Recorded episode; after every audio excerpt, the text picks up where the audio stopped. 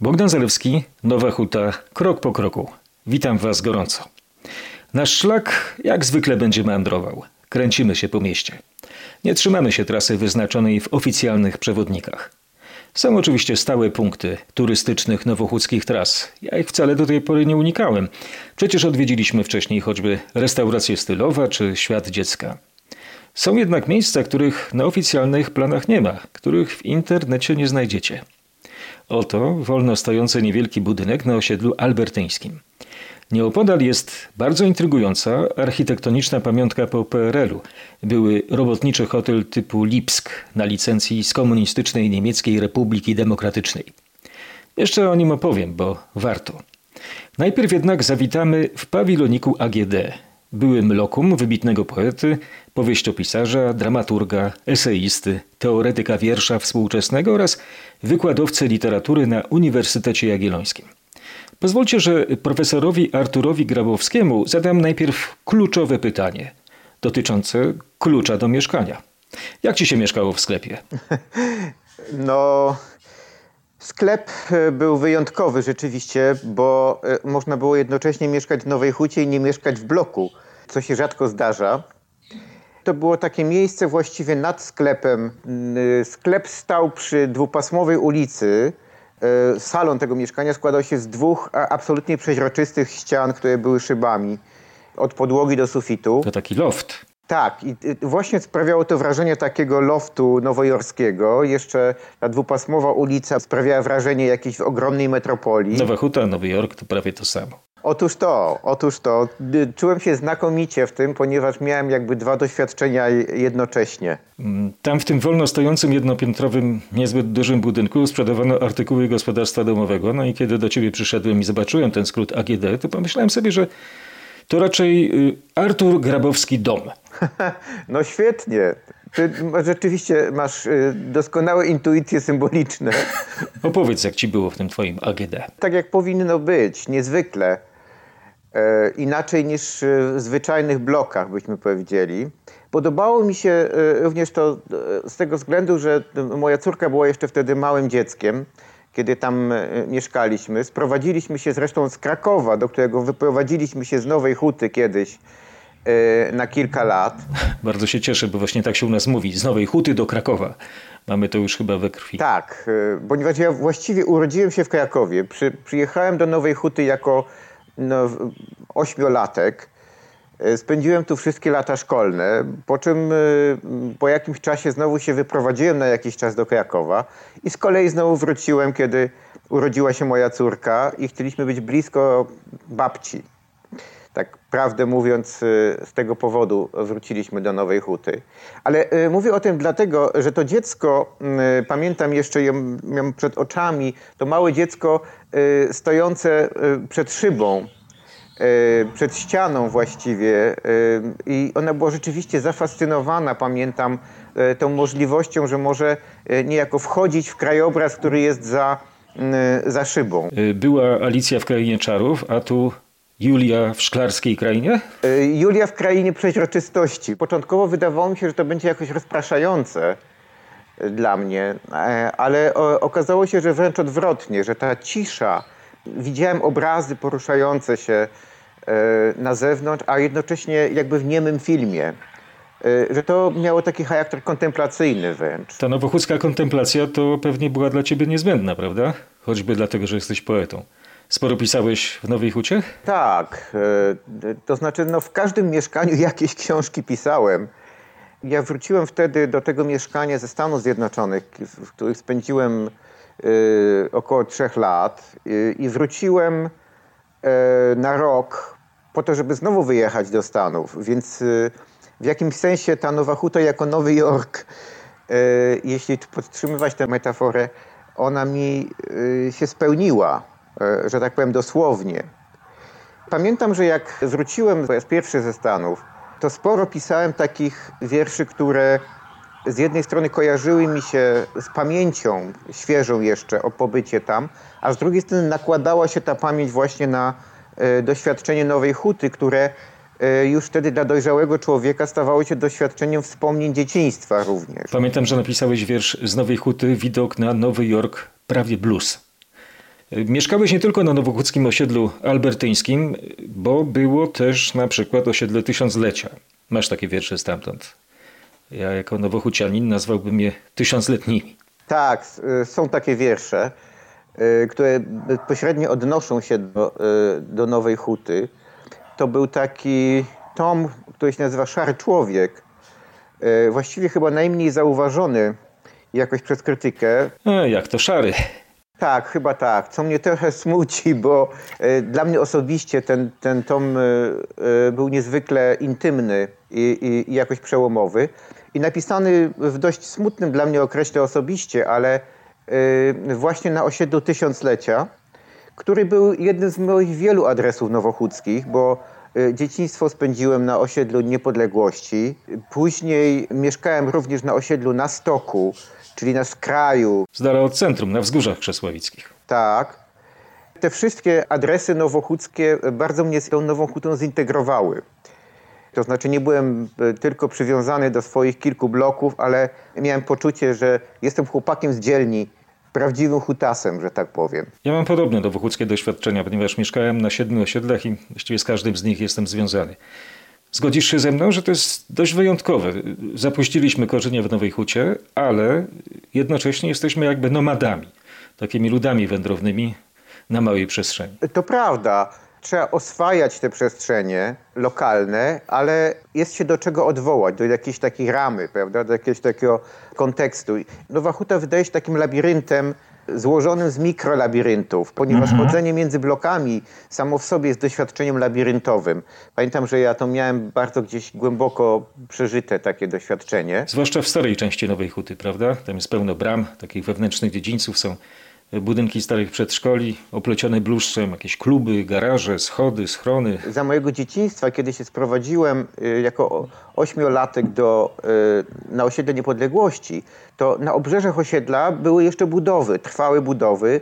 Było jeszcze stare lotnisko, y, które było taką ogromną, tajemniczą przestrzenią. I to powoli się zmieniało, zaczynało się zabudowywać. Bawiłeś się jako chłopczyk w wykopach? Albo na hałdach piasku, czy hałdach żwiru? Oczywiście, że tak. I to było też e, fantastyczne, że Nowa Huta oferowała jednocześnie miasto i przedmieście. O, o, od razu pewną wieś jakby, taką sztuczną trochę. No, pamiętam, że pływałem na deskach w wielkich kałużach na budowie. Ja pamiętam z kolei taki plac budowy y, szpitala Rydygiera. Y, Były tam wykopy, hałdy ziemi, no i taki chłop, chłopacki poligon zabaw sobie tam urządziliśmy, zabaw żołnierzy. Mm, Ja mieszkałem wtedy na osiedlu Kalinowym. Dziś to jest tam monumentalny szpitalny budynek, ale on powstał bardzo, bardzo długo. No i ja się tam z tymi swoimi koleżkami z bloku bawiłem w wojnę. To było w latach 60. Ja w żołnierzy bawiłem się na autentycznym lotnisku jeszcze, ponieważ ono było rzeczywiście bardzo blisko mnie. E, Pamiętam, że e, właziliśmy w bunkry e, i no, przeżywaliśmy tam dreszczyk emocji w tych ciemnych i, i, i wilgotnych bunkrach. A potem e, bardzo romantyczne wspomnienie pierwszych randek z dziewczynami w podstawówce, kiedy nie było gdzie pójść, więc się szło na budowę i trzeba było się schować za jakimś kawałkiem e, poukładanych cegieł. No, ja się z dziewczynami spotykałem e, w fortach na Złotego Wieku. Ale zostawmy te wspomnienki takich panów w średnim wieku, bo jest chyba coś więcej niż takie chłopackie przygody. Nie będę ukrywał, że studiowaliśmy razem e, polonistykę na UJ, więc ta nasza Nowa Huta to no, jest dla nas ważna nie tylko jako takie miejsce wspomnień, ale także jako kulturalny ośrodek, że tak to nazwę górnolotnie. E, Ty napisałeś książkę o Bogusławie Szeferze i wydałeś jego dramaty. Mm, był genialny artysta, no ale co ciekawe mieszkał na osiedlu kolorowym w Nowej Hucie. E, Zmarł w zeszłym roku, był, przypomnę, dramaturgiem, był awangardowym kompozytorem, był teoretykiem i historykiem muzyki, y, grafikiem, nawet radiowcem. No i osiedle kolorowe, to tam mieszkał. Ty byłeś w mieszkaniu Bogusława Szefera. E, Tak, miałem to szczęście, e, że nie tylko zdążyłem poznać jeszcze Szefera, e, który co prawda mieszkał już na ogół w Austrii, w Salzburgu, ale przyjeżdżał od czasu do czasu jeszcze do Polski i wpadał do swojego własnego mieszkania, żeby odwiedzić swojego syna, dorosłego już, y, który mm, tam mieszka. Który to blok na kolorowym? Jeden z takich puchatków, właśnie takich małych wieżowców, jakby. Tak, wśród gęstwiny drzew, bo to jest w całym sensie tego słowa osiedle kolorowe. To było mieszkanie na pierwszym piętrze, chyba, o ile dobrze pamiętam. Dość niesamowite wrażenie robiło, ponieważ było absolutnie zagracone i bardzo zniszczone. Syn szefera, no, delikatnie mówiąc, nie bardzo dbał o to mieszkanie. A jednocześnie w tym mieszkaniu była taka enklawa. Jeden pokój pamiętam, mm, ponieważ odwiedzałem tego syna kilkakrotnie. Pamiętam, że jeden pokój był zamknięty e, i mm, Piotr mówił mi zawsze, że to jest właśnie e, skarbnica, jakby, m, którą zostawia po sobie ojciec, kiedy przyjeżdża. Pilnował bardzo intymności tego pokoju, ale udało mi się tam też zajrzeć. I on był rzeczywiście wypełniony e, manuskryptami różnego rodzaju, wydrukami, e, starymi taśmami. Miałeś w ręku rękopisy dramatów, partytury, grafiki Szefera? Miałem w ręku partytury, y, miałem w ręku również odkryte jakby rękopisy dramatów, wcześniejsze wersje. Nawet mieliśmy taki, ponieważ Piotr był, Piotr Szefer był człowiekiem dość nieuporządkowanym, e, więc wielokrotnie gubił coś, co mi obiecał, po czym znajdował z powrotem. I to rzeczywiście były takie cudowne odkrycia, które się w tym mieszkaniu dokonywały. Bardzo się cieszę, że te swoje odkrycia zawarłeś e, w znakomitych książkach e, o tym naszym nowochódzkim geniuszu, bo mam tutaj przed sobą e, książkę pod tytułem Prawdziwy dramat teatru o metateatrze i metadramacie Bogusława Szefera Mm, i jeszcze jeden tom, Bogusław Szefer, aktor dramaty. Włożyłeś to sporo wysiłku naukowego, prawda? Tak, bardzo się cieszę, że, e, że udało się wydać te dramaty e, właśnie w takiej e, bardzo porządnie, bardzo porządnym opracowaniu, bo one dotychczas właściwie ukazywały się tak pokątnie troszkę. Szefer sam robił takie prywatne, półamatorskie wydruki właściwie, ponieważ bardziej mu zależało na tym, żeby te dramaty były grane.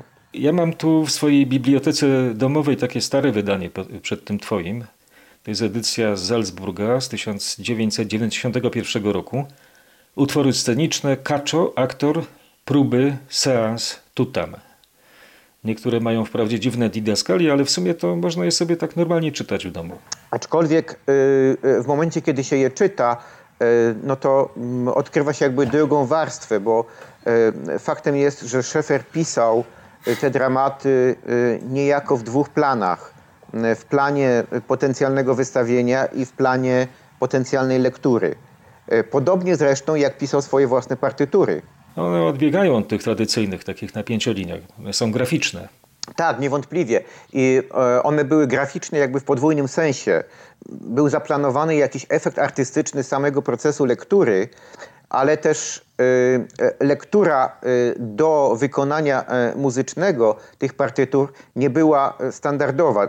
Szefer bardzo często w ogóle nie zapisywał nut e, tylko zapisywał pewne sytuacje, pewne znaki, które mm, wykonawca miał samodzielnie zinterpretować i niejako przełożyć na muzykę dopiero. Jego sztuki są w nowoczesny sposób muzyczne, można powiedzieć. Troszkę w inny sposób niż to tradycyjne pojmowanie tego słowa. No i aktor jest u niego instrumentalny. Tak, e, ta instrumentalność aktora polegała właśnie na tym, że on musiał sam stać się e, instrumentem i wykonawcą. Tak, współtworzyć spektakl.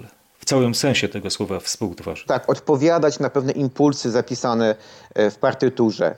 To też była bardzo ciekawa gra, ponieważ z jednej strony ten aktor był ograniczony partyturą, a z drugiej strony wymagano od niego niejako inicjatywy i, i samodzielności. Zgodzisz się, że takim idealnym aktorem instrumentalnym był dla Bogusława Szefera Jan Peszek. Tak, Peszek był znakomitym aktorem, ponieważ bardzo wcześnie zrozumiał, że nie należy się obawiać e, wyeksponowania swojej osobowości.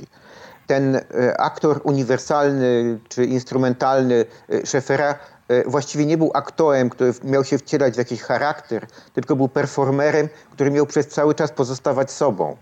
E, Miał też pozostawać w jakimś kontakcie z publicznością. Musimy y, powiedzieć naszym słuchaczom, że mówimy tak dużo o Bogusławie Szeferze, bo on odegrał naprawdę w naszym życiu ogromną rolę. Ty to potrafiłeś zamknąć w książkach, Ja pozostałem takim anonimowym wielbicielem. Mam całą bibliotekę szeferowską w domu. No to on był moim nauczycielem, jak słuchać trudnej awangardowej muzyki XX wieku. Uczył mnie, jak y, słuchać Stockhausena, Luciano Berio, Ligetiego, Ludosławskiego, Weberna, żeby wymienić kilka nazwisk. Trudna awangardowa muzyka XX wieku. Jego, jego rola w tej dziedzinie jest nie do przecenienia. Tak, właściwie to był jedynym takim nauczycielem na całą Polskę. I to y, mam czasem wrażenie, y, że to był jeszcze większy cud niż jego kreatywność, bo o ile rozumiem, że talent daje Pan Bóg, to jednak y, wiedzę y, o muzyce awangardowej zachodniej, światowej e, w latach 60. zdobyć w komunistycznej Polsce, to naprawdę było coś niezwykłego i wymagało e, niezwykłej aktywności e, Szefera. I to wszystko, no niemal wszystko od początku w PRL-u na Nowochódzkim osiedlu kolorowym. To jest, to jest właściwie niewiarygodne. Jak się wie, w jakim środowisku ten człowiek żył i mieszkał, no to widzimy jakby przed oczami mamy taką mm, socjalistyczną Polskę lat 60. Całkiem ładną w przypadku osiedla kolorowego w Nowej Hucie. E, ale dziś to są takie raczej niewyróżniające się modernistyczne bloki tonące w zieleni. E, trzeba przyznać, że mm, jakkolwiek Szefer był, miał swoje, swoje, swój dobry czas, że tak powiem, na świecie i rzeczywiście y, niezwykle go ceniono, to jakoś nigdy nie udało mu się y, zarobić pieniędzy ani y, zostać zamożnym człowiekiem, w, choć było to pewnie łatwo ze względu na przelicznik dolarowy w tamtym czasie. I to mieszkanie, które e, Szefer miał w, w Nowej Hucie, było jednym z takich mieszkań przydziałowych, jakie, jakie mógł dostać e, e, profesor Akademii Medy Muzycznej albo Związku Kompozytorów, prawda, członek Związku Kompozytorów. I, I Szefer przystawał niejako na to, będąc jednocześnie niezwykle krytycznym w głębi duszy, że tak powiem, wobec komunistycznego systemu.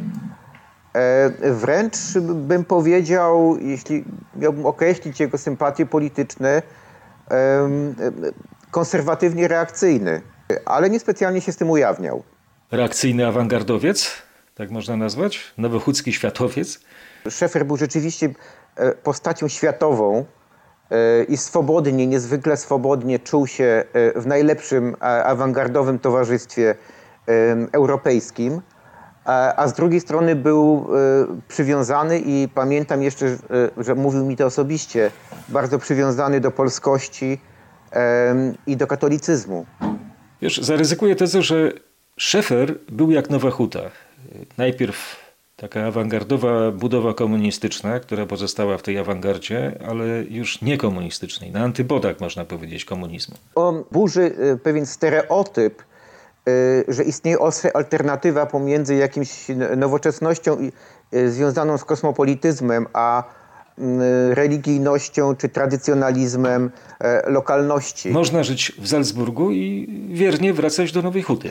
Tak, i y, wracać niejako podwójnie, bo, bo z jednej strony wracał do tego właśnie opresyjnego systemu, który świetnie potrafił przerobić na formę, a z drugiej strony no, pewnie wracał właśnie do tego intymnego polskiego e, świadka, bo jak mówisz, e, Nowa Huta jednocześnie zachowała ten e, paradoksalnie przedwojenny, byśmy powiedzieli, charakter.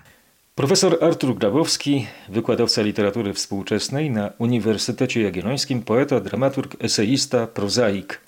Był gościem mojego podcastu Nowa Huta Krok po kroku. No że Bogusław Szefer nie jest jedynym wybitnym polskim kompozytorem, który przez lata był związany z osiedlem kolorowym. Szefer zmarł w zeszłym roku, a zupełnie niedawno, w październiku, pożegnaliśmy innego znakomitego nowochódzkiego twórcę muzyki poważnej Juliusza Łuciuka.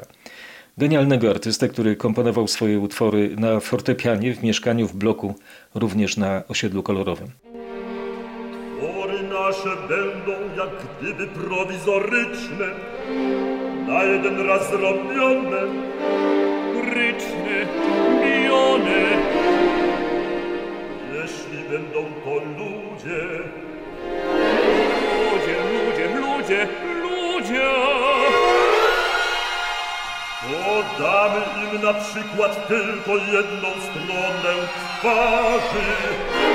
jedną stronę twarzy, u strane Jedno u rękę Jedno rękę Jedną nogę Jedną nogę.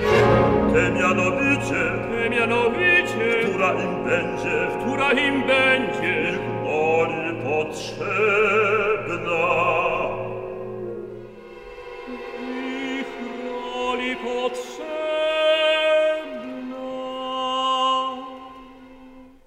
Ostatnio wyciągnąłem z szafy na kompakty dwie płyty, które kupiłem sobie przed wielu laty. Operę Juliusza Łuciuka Demiurgos z librettem według prozy Brunena Schulza oraz koncert fortepianowy nr 3 Bogusława Szefera. W tym ostatnim pojawia się motyw BSCH. To jest monogram kompozytora, to taki dźwiękowy podpis, w skrócie Bogusław Szefer.